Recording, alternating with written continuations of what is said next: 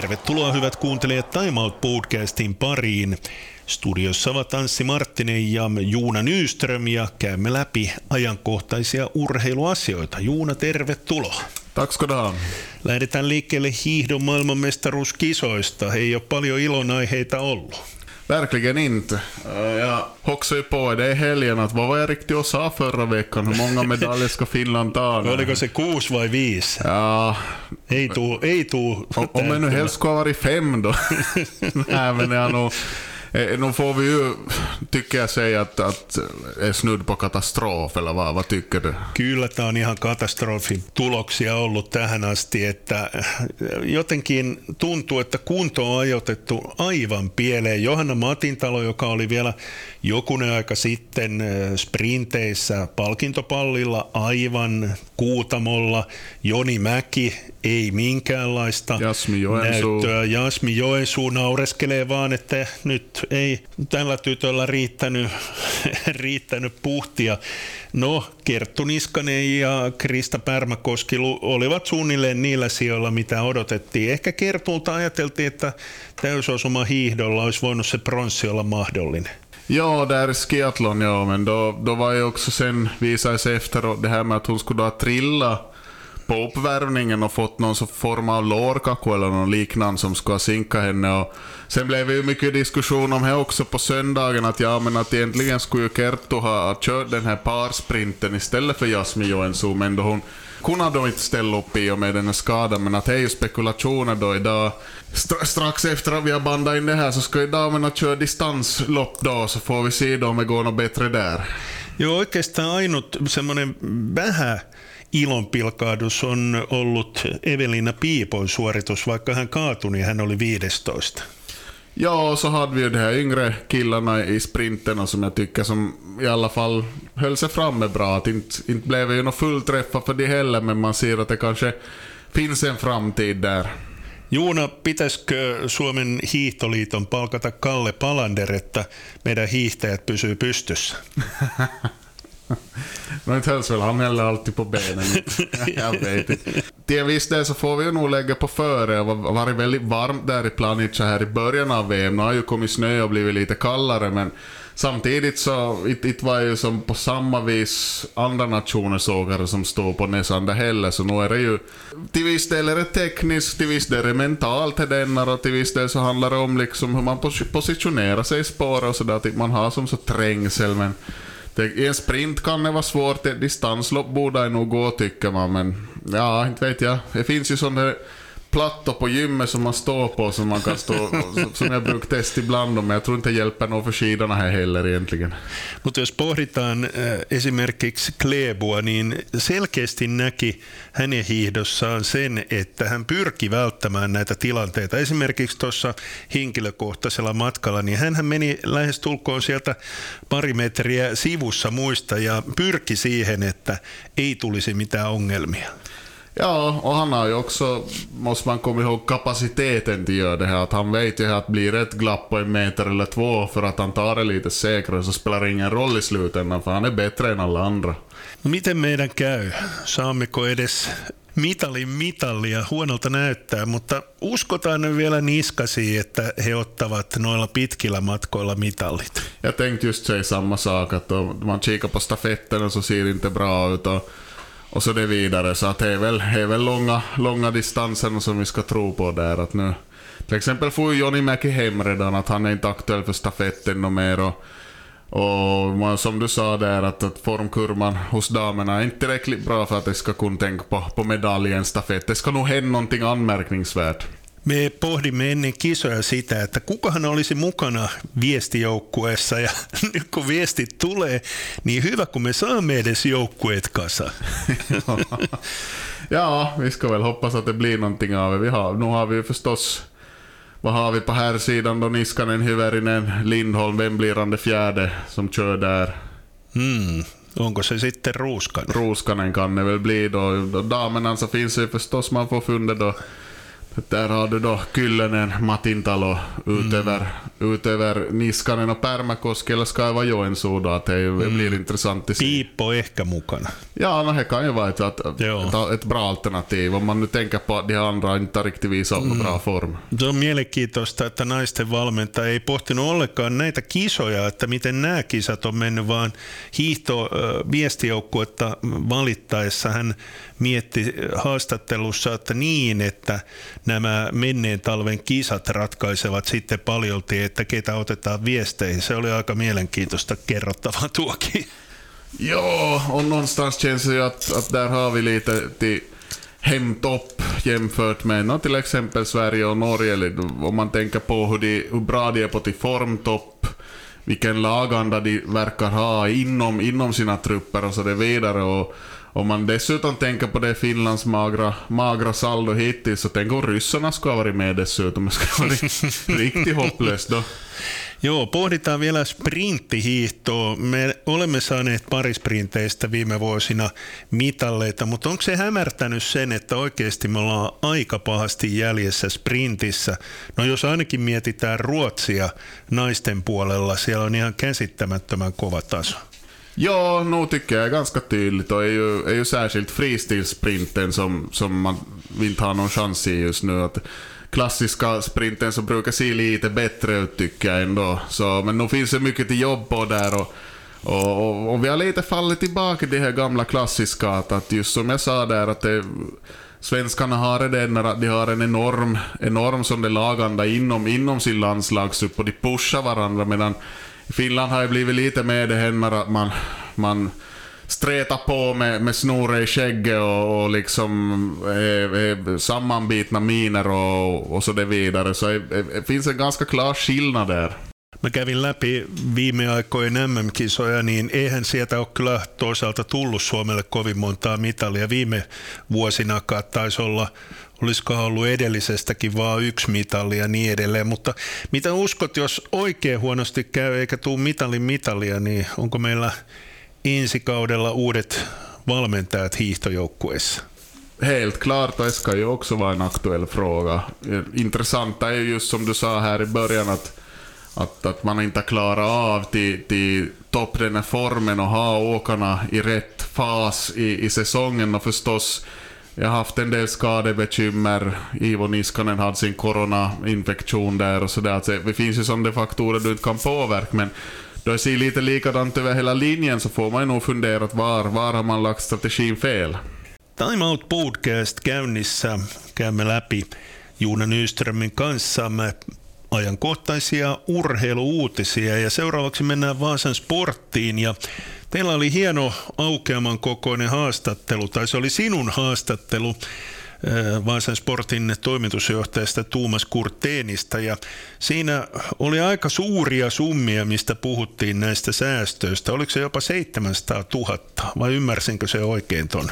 En siffra som jag har pratat om och cirkulerat här, det var ju någonting som Kurtén bekräftade inte, men det verkar nog som att, att de här sparåtgärderna som vi kallar dem, att Sport har släppt spelare, så har givit ganska bra med pengar. Och, och som Kurtén sa där så det täcker upp ganska, eh, åtminstone en del av all, allt som har gått på minus den här säsongen. Och kanske det intressanta där är just det där hur man har budgeterat då att officiella publikmålet som Sport hade, de presenterar ju alltid det här i början av säsongen, så var 3400. Kurtén sa ju rakt ut att inte hade ju budgeterat för det, fast de har hoppats på det.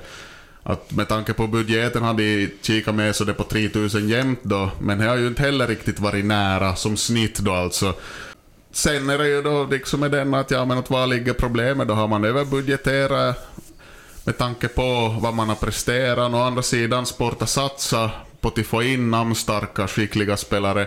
Och ska man nå framgång så måste man ju satsa och då måste man kanske ta lite risker och är väl kanske eventuellt det man har gjort. En annan intressant sak där var ju också att vi diskuterade det här med biljettpriser och Kurten var ganska tydlig med att de ska tänka om nu med det här. Och det kan hända att det blir en större justering till nästa säsong. Det tycker jag är intressant.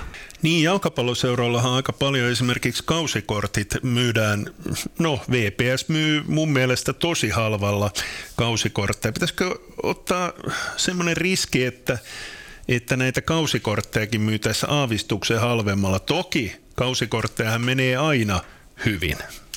Ja, och sen just en sak som inte rymdes med som jag kapade bort här i intervjun, vi diskuterar ganska mycket som jämförelse vad Asset har gjort som i egenskap av en klubb som har lite samma typ av förutsättningar som sport. Och de har ju som Anders ståplatsen på långsidan där i Isomäkihallen och de har ju åtminstone de senaste åren, jag minns inte hur det var för den här säsongen, så hade ju sålt de här säsongskorten för 99 euro styck just för ståplats och fått in mycket folk på det och i år har de haft mycket, mycket bättre publiksnitt än vad Sport har haft till exempel. Så Hej, precis som man tänker och det gäller ju till balansera ut där att det är fortsättningsvis så är det ju så att ska man nå framgång så måste man satsa och då måste man budgetera på ett visst sätt.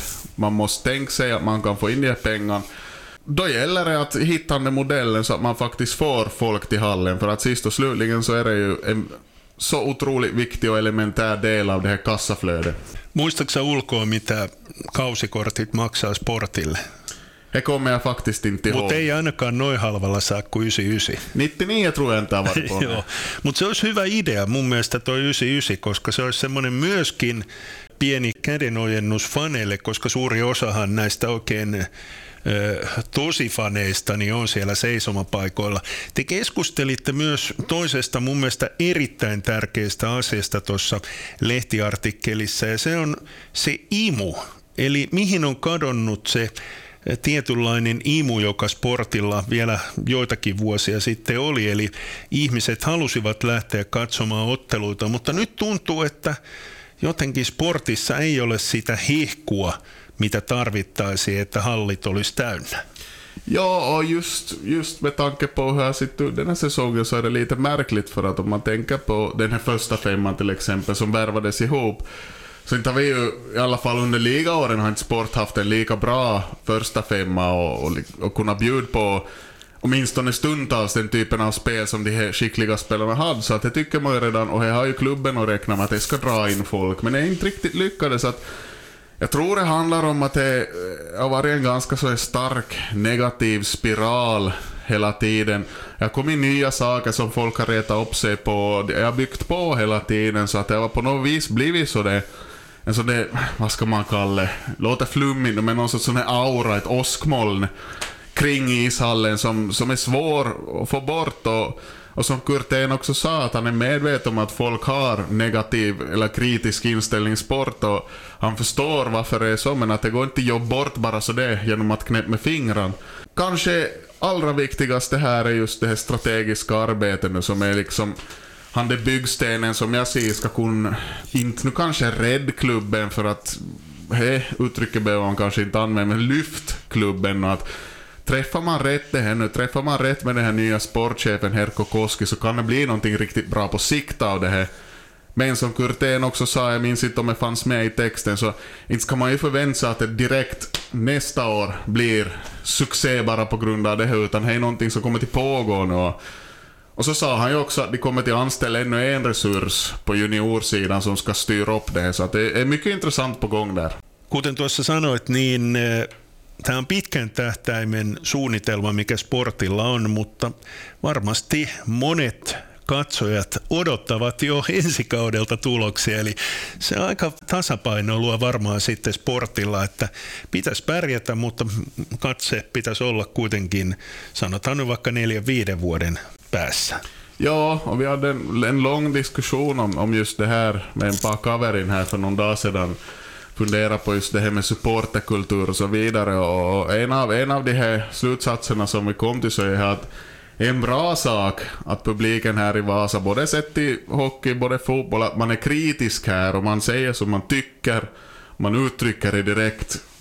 Och jag håller, handlinjen är jag helt klart inne på själv också, men sen är det också ett faktum att så länge inte folk kommer dit till, till läktarna så kommer det inte att bli något större av någonting. Att, att allting är, står i relation till varandra och klart att det är klubbarnas ansvar, i det här fallet sports ansvar, de ser till att de har någonting som är tillräckligt intressant, tillräckligt stort för att locka publik. Men å andra sidan så behöver publiken, för fansen gäller det, det kommer ändå, men det behöver finnas en bredare massa som slutar upp kring och som är där fast det skulle gå dåligt.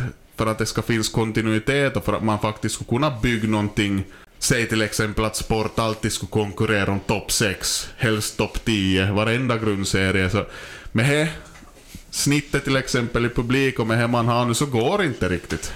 Joo, kyllä mä sanoisin, että suomalaiset on enemmän menestyskansaa kuin urheilukansaa ja eh, Mä oon sen verran vanha, että mulla oli ihan normaali silloin aikoinaan lähteä katsoa esimerkiksi Websun pelejä ja Sportin pelejä, mutta nykyään kun tulee NHL ja tulee valioliikaa ja tulee ties mitä liikaa, niin tuntuu välillä siltä, että nämä oman kylän joukkueet ei olekaan niin tärkeitä, mitä esimerkiksi silloin kun mä oon ollut nuori, niin oli. Ja, men samtidigt så finns ju ingenting som säger att det skulle kunna bli så på nytt. Att det handlar helt enkelt om att just bygga upp det här, sin egna grej, sin egna kultur här kring. Här har ju sport jobbat jättehårt med att försöka liksom skapa det här helheten kring. Jag har inte riktigt lyckades, men inte, ingenting säger att det inte skulle kunna lyckas. Sitten lyhyesti vielä jalkapallosta. Vaasan palloseura putos liigakapista. Hieno tulos kuitenkin Kuopiossa 1-1. Kups kyllä jyräs ainakin ekalla puolella, kun katsoin tuota ottelua, mutta täytyy sanoa, että aika makea maali Vepsulta. Saavio pisti siinä pari kolme jätkää solmuun ja sitten veti vielä hienon syötön Alangolle ja Alanko sitten niittasi tasotuksen, mutta ei riittänyt. Onko sulla mitään uutta Vepsusta esimerkiksi? Onko tulossa testipelaajia?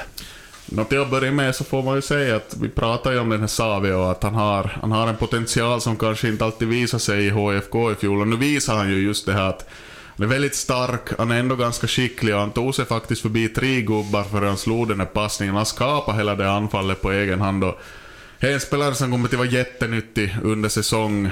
Det finns lite prat om att det ska kunna dyka upp nya testspelare här, men nu den här veckan så har faktiskt laget ledigt. De är lediga den här veckan, så det blir, det blir inte några nya testspelare den här veckan. Jag vet inte sen vad, vad de väljer att ägna tiden åt det här, men att det, Henry Sillanpää sa där efter, efter lördagens match, då jag pratade med honom och han sa inte åt mig att ja, men det blir en välförtjänt vila och sen sista pushen före ligan börjar. De har bokat in träningsmatcher nu i mars mot JJK, FC Inter och Jaro och så ska de ju in i Finlands cup småningom. Men nästa vecka så är vi säkert klokare med, med, med nya testspelare och det står ju fortsättningsvis klart att det ska bli en, två, åtminstone värvningar till det här laget. Viikonvaihteessa jännitetään, että saako Suomi avattua hiihdon MM-kisoissa mitalitiliä. Toivotaan, että olisi jo ennen viikonloppua avattu, mutta siihen en usko. Mutta sitten on myöskin yleisurheilun halli IM-kisat tulossa viikonvaihteessa ja vähän on toivoa, että sieltäkin voisi mitalia tulla. No som nu såg ut i EM utomhus senast så ska man väl nog tro att det ska kunna bli någon medaljglans nu. Toivotaan näin. Juuna Nyström, kiitoksia. Tack ska du ha.